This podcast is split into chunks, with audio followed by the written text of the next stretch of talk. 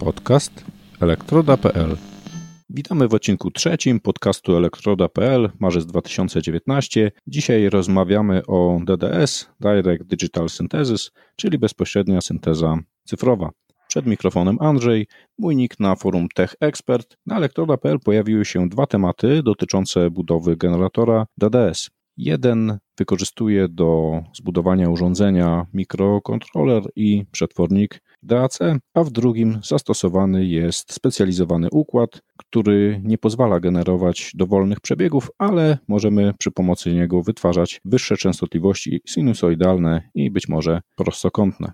Naszym gościem jest autor konstrukcji przedstawionej w temacie, konstrukcji zrealizowanej w oparciu o mikrokontroler. Witaj Piotrze. E, witam serdecznie wszystkich czytelników Forum Elektroda, z tej strony Piotr VA. E, tak, rzeczywiście kiedyś w czasie studiów popełniłem projekt e, takiego bardzo prostego, można powiedzieć modelowego generatora DDS, opartego o mikrokontroler STM32 z serii F429. Użyłem wtedy takiej płytki, jak na zajęciach prowadzący nam polecił, płytka, która miała wyświetlacz graficzny, dotykowy, tak więc od razu kwestia interfejsu użytkownika była już na tym etapie przesądzona. Czy w tym projekcie został zastosowany zewnętrzny DAC, czy wykorzystałeś wbudowany w mikrokontroler? W tym projekcie w celu minimalizacji dodatkowych komponentów zastosowałem DAC wbudowany w mikrokontroler, który pozwala w takiej typowej aplikacji na osiągnięcie próbkowania do 1 megasampla na sekundę i dzięki temu też jest bardzo proste przesyłanie danych między pamięcią, która przechowuje próbki, e, a właśnie tym DAC-iem, ponieważ wszystko nam realizuje no, bardzo prosta konstrukcja e, programistyczna, tylko aktywująca magistrale DMA wewnątrz procesora, także użytkownik praktycznie jedyne co musi zrobić od strony reszty programu, załadować w odpowiednie lokalizacje pamięci RAM e, próbki, a następnie ewentualnie zmodyfikować częstotliwość zmiany tych próbek na wyjściu e, przetwornika celem regulacji częstotliwości generowanego sygnału. Czyli tutaj wykorzystanie tego DACA pozwala na generację dowolnych kształtów y, przebiegu wyjściowego. To, co umieścimy w pamięci, pojawi się na wyjściu takiego DACA. Ograniczeniem rozumiem, że jest tutaj rozdzielczość i ta ilość sampli, czyli tutaj jeden megasample. Tak, no ograniczeniem rzeczywiście tu jest rozdzielczość. Rozdzielczość tego DACA to jest 12 bitów, więc przynajmniej deklarowano według noty katalogowej, więc nie jest to Najgorszy DAC, no troszkę może boli ten 1 e, megasample na sekundę, natomiast e, jak też sugerowali na forum inni koledzy, można to dodając odpowiedni frontend analogowy zwiększyć tą częstotliwość i trochę, że tak jak to się mówi, przedaktować ten przetwornik DAT, żeby osiągnąć troszkę lepsze parametry. No lub też nie jest wielkim problemem zastosowanie jakiegoś dużo lepszego zewnętrznego DACa, który także powinien z tego typu algorytmem e, generowania sygnałów współpracować, bo no de facto jest to, można powiedzieć, modelowy i, i już dobrze znany e, sposób na generowanie sygnałów analogowych z, z wykorzystaniem mikroprocesora. W temacie na forum jeden z tych tematów został oparty o zrealizowany już projekt w oparciu o DAC zbudowany na drabince rezystorowej oraz mikrokontroler, który podaje kolejne próbki na e, DAC. Tutaj w temacie podkreślałeś dość wydajny i pewny sposób przesyłania danych z pamięci RAM do DAC za pomocą DMA. W jaki sposób realizowany jest ten mechanizm? E, mechanizm realizowany jest z wykorzystaniem odpowiednich zasobów mikroprocesora. Nie każde mikroprocesory e, mają taki system. E, no, w dzisiejszych czasach już obecnie większość nowych mikroprocesorów, szczególnie z rodzeniami ARM, obowiązkowo posiadają taką technikę, także z tego co się orientuje, nowsze procesory microchipa, czyli dawnego Atmela serii X-Mega, także e, niektóre z nich posiadają DMA. E, DMA jest to nic innego jak Direct Memory Access, czyli specjalny moduł w rdzeniu procesora, który pozwala na przesyłanie pewnych danych między pamięcią RAM a urządzeniami peryferyjnymi, bądź też w dowolnym innej relacji, czyli na przykład można przesyłać dane między urządzeniem peryferyjnym a innym urządzeniem peryferyjnym, między dwoma blokami pamięci RAM, E, czy też między pamięcią RAM a urządzeniem peryferyjnym, lub też w drugą stronę, na przykład jeśli byśmy zaprzęgnęli tutaj do pracy ADC, e, także za pomocą DMA moglibyśmy w bardzo szybki sposób te dane zbierać. Zaletą tego rozwiązania jest to, że DMA działa niezależnie od e, rdzenia procesora i działa w sposób bardzo przewidywalny. Czyli jeżeli ustawimy, że takie DMA ma nam wypuszczać kolejne próbki e, na wyjście z częstotliwością na przykład tego 1 MHz, to będzie to niezależne od jakichś przerwań, które będą generowane w procesorze, od tego, czy użytkownik coś będzie na menu klikał, e, czy nie, jak bardzo będzie zajęty procesor, będzie to generowane w bardzo stabilny sposób. I bez, że tak powiem, żadnej ingerencji użytkownika od strony programu, wystarczy tylko włączyć tę funkcję i de facto zapominamy o tym, że musimy cokolwiek gdziekolwiek przesyłać. Czyli rozpoczynamy taki proces przesyłania danych z pamięci do tak, w tym czasie mikrokontroler może zajmować się, tak jak wspominałeś, obsługą menu, wyświetlaniem informacji. A co taktuje te kolejne próbki i w jaki sposób DMA działa z określoną częstotliwością? To jest jakiś timer? W moim rozwiązaniu jest to timer. Zwykle układy DMA mają możliwość wyboru różnych źródeł wyzwalania tego transferu.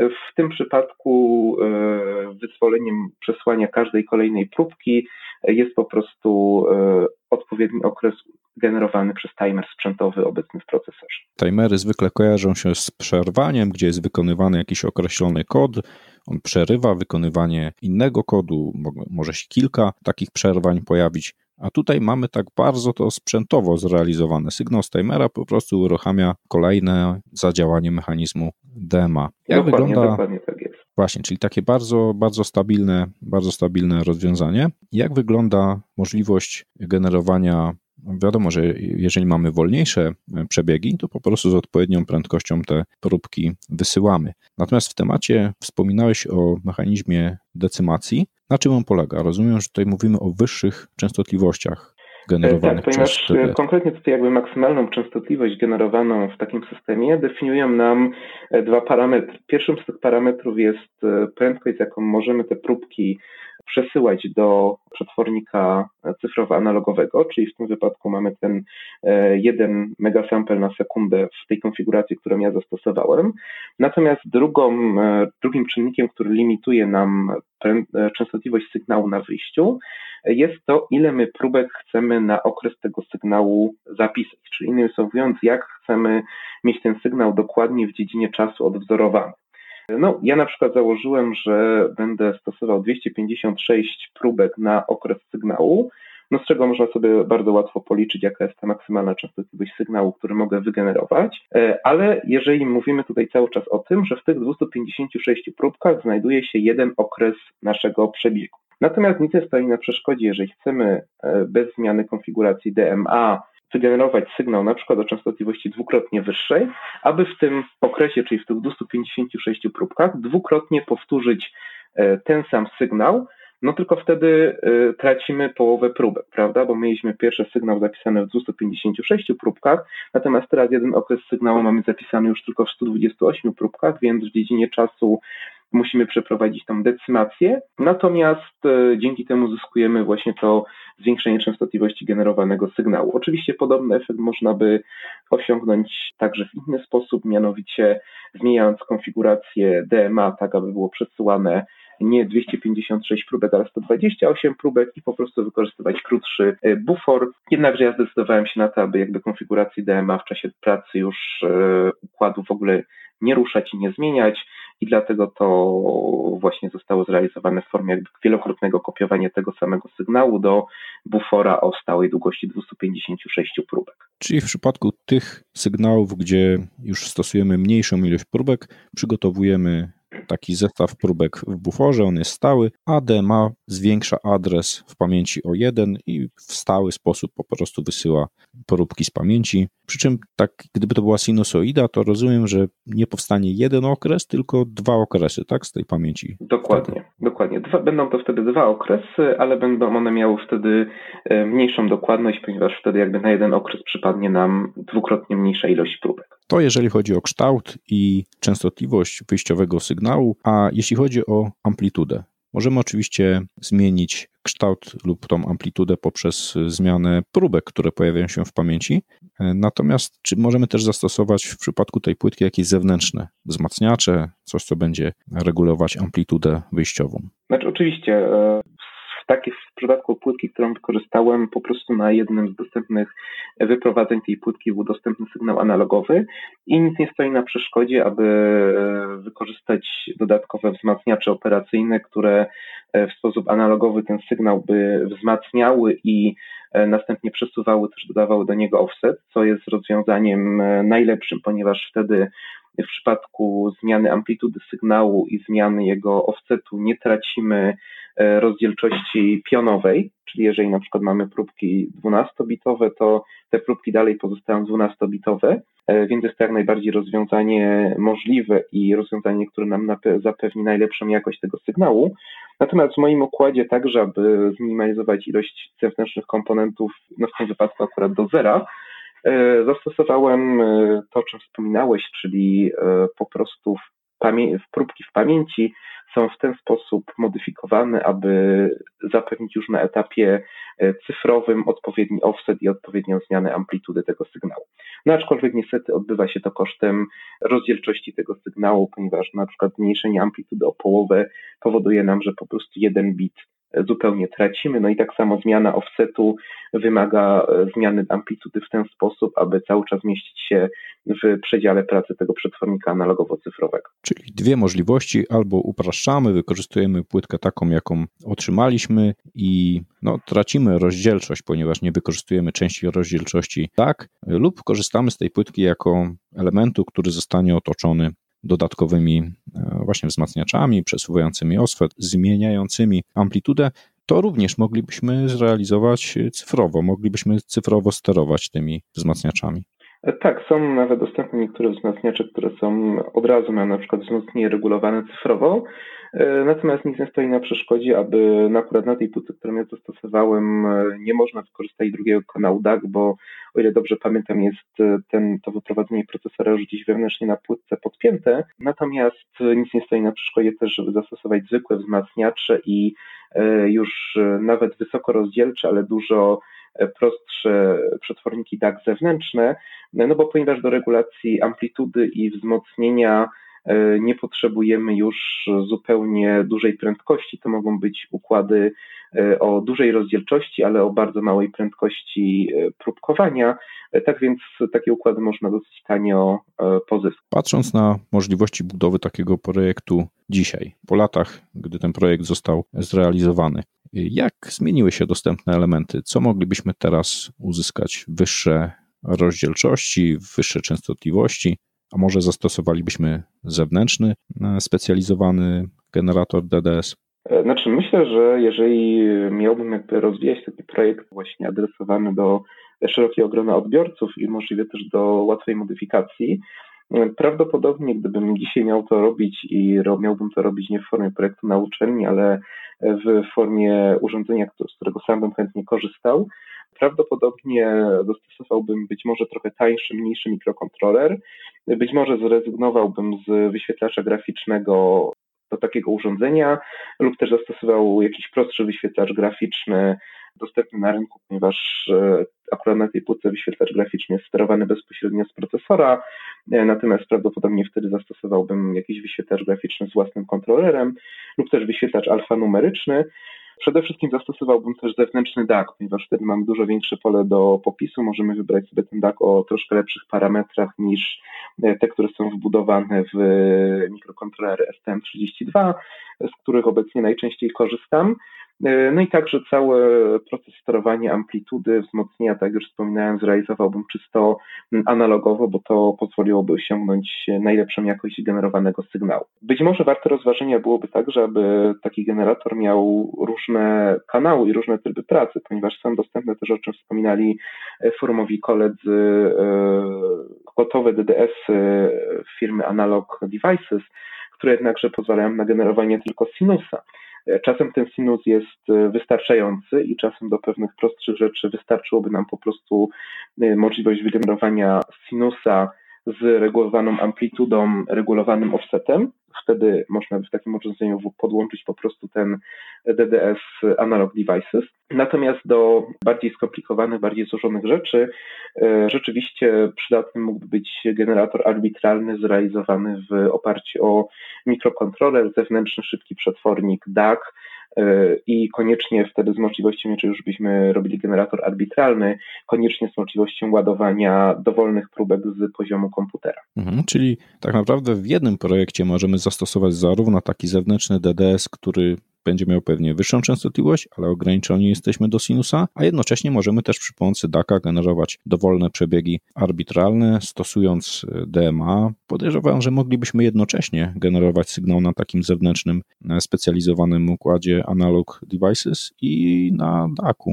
Dokładnie, ponieważ ten układ Analog Devices, e, ta rodzina układów, która, która była wspominana w postach, jest szeroka i bardzo prosta w obsłudze. Tam de facto definiujemy jedynie częstotliwość sygnału i układ pracuje nam samodzielnie. W tym czasie procesor także może generować sygnał DMA, tak jak już wspominałem, także nie angażuje zbytnio procesora. Można, także jeżeli byłaby chęć rozszerzenia o więcej kanałów, można zaprząc dwa kanały DMA, prowadzić generację dwóch dodatkowych przebiegów równocześnie, więc pole do popisu jest to rzeczywiście szerokie. E, no, można by się też pokusić e, o mieszanie na przykład takich sygnałów na drodze już toru analogowego, aby na przykład móc ten sygnał wysoko, wysokiej częstotliwości o lepszych parametrach częstotliwościowych z tego dedykowanego DDS-a e, zmieszać w jakiś sposób z sygnałem generowanym arbitralnie w celu na przykład zasymulowania zaszumionego sinusa bądź, bądź też innych jakby zakłóceń czy, czy odchyłek od tego sinusa, który, który byśmy mieli. Jeśli chodzi o parametry takiego TDS-a, już wspominaliśmy o ilości sampli na sekundę, wspominaliśmy o rozdzielczości, zapewne dochodzi też stabilność źródła napięcia odniesienia, które będzie zasilało nam tak. A jeśli chodzi o dokładność odmierzania czasu przez y, Timer. Czy tutaj należałoby zastosować jakiś specjalizowany generator, czy zwykły generator kwarcowy będzie tutaj wystarczający? E, to znaczy, tu jest kwestia, której szczerze powiedziawszy nie analizowałem dokładnie. E, wydaje mi się, że do zastosowań amatorskich i do czegoś, co jest, że tak powiem, w zasięgu naszych możliwości, e, w 100% wystarczyłby zwykły generator kwarcowy. No oczywiście można by się kusić o zastosowanie jakichś droższych generatorów ze stabilizacją temperaturową, ale wydaje mi się, że do właśnie takich zastosowań, tak jak mówię, półprofesjonalnych w zupełności nie jest to konieczne i wtedy już powiedzmy wchodzimy w takiego, takiej klasy instrumenty, gdzie zaprojektowanie tego urządzenia by zajęło, wydaje mi się, dosyć dużo czasu i też takie urządzenie byłoby finalnie dosyć kosztowne. Dlatego myślę, że jakby takim pewnym optimum pomiędzy ceną tego urządzenia a możliwościami i dokładnością no właśnie byłoby po prostu zastosowanie generatora kwarcowego, ewentualnie na etapie produkcji jakaś e, kalibracja takiego układu, być może jakiś pomiar temperatury, aby mieć świadomość, na ile te odchyłki mogą e, nam się dawać e, we znaki. Rozwiązania cyfrowe wiele zmieniły w kwestii generowania e, sygnałów. Tutaj zarówno wykorzystanie rezonatora kwarcowego i szeregu dzielników pozwala na proste generowanie różnych częstotliwości mm, sygnałów prostokątnych, no też w różnych e, urządzeniach odmierzających czas. Takie rozwiązanie jest zastosowane e, także w pętlach synchronizacji fazowej, PLL, tam gdzie VCO kontrolowane jest właśnie przez taki zestaw z rezonatorem kwarcowym i dzielnikami. Ale w temacie pojawiły się też takie głosy, że generatory analogowe RC czy też LC mogą przydać się szczególnie w audio. W takim DDS-ie mamy ograniczoną liczbę bitów, o czym już wspominaliśmy, że to jest dokładność od, odzworowania. Natomiast w przypadku generatora analogowego, no powiedzmy, mamy no, nieskończoną tą liczbę bitów, przy czym wchodzą oczywiście pewne zniekształcenia, nieliniowe. Co myślisz o możliwości wykorzystania generatorów analogowych? Znajdują one jeszcze zastosowanie? E, to znaczy, na pewno znajdują one zastosowanie, aczkolwiek e, wydaje mi się, że obecnie jakość układów cyfrowych e, dorównuje już tym układom analogowym i de facto powiem szczerze, że rozróżnienie sygnału czysto analogowego, który przechodzi przez całkowicie analogowy tor, a sygnału, który pochodzi z powiedzmy 24-bitowego przetwornika DAC. Wydaje mi się, że ludzkim uchem jest to prawie że niemożliwe do rozróżnienia. No oczywiście, tak jak wspomniałeś, mamy różne inne problemy zupełnie. Nie mamy kwantyzacji, ale mamy znowu szumy, mamy znowu nieliniowości różnych elementów, które są stosowane w takich torach. Analogowych. No i też wydaje mi się, że w tych generatorach RC-LC mamy dużo większy wpływ mimo wszystko różnych parametrów pasożytniczych, czy też samego obwodu, czy też dużo większy dryft temperaturowy tego typu rozwiązań. Więc jakby werdykt jest taki, do pewnych zastosowań prostych, na przykład, nie wiem, sprawdzenie jakiegoś wzmacniacza audio, gdzie czy to będziemy sprawdzać ten wzmacniacz na 1 kHz, czy na 1000, 1010 Hz, może takie coś bez problemu się nadać i wtedy będzie to tanie i pewne rozwiązanie gdzie nie będziemy też generować żadnych szumów cyfrowych, bo, bo też musimy wiedzieć, że każdy układ cyfrowy generuje znowu wysokoczęstotliwościowe szumy związane z każdym cyklem zegarowym, który powoduje przełączenie iluś setek tysięcy tranzystorów w takim obwodzie. E, natomiast no, z drugiej strony właśnie zyskujemy, znaczy tracimy pewną łatwość regulacji częstotliwości takiego układu analogowego, bo no, będą to już dużo bardziej skomplikowane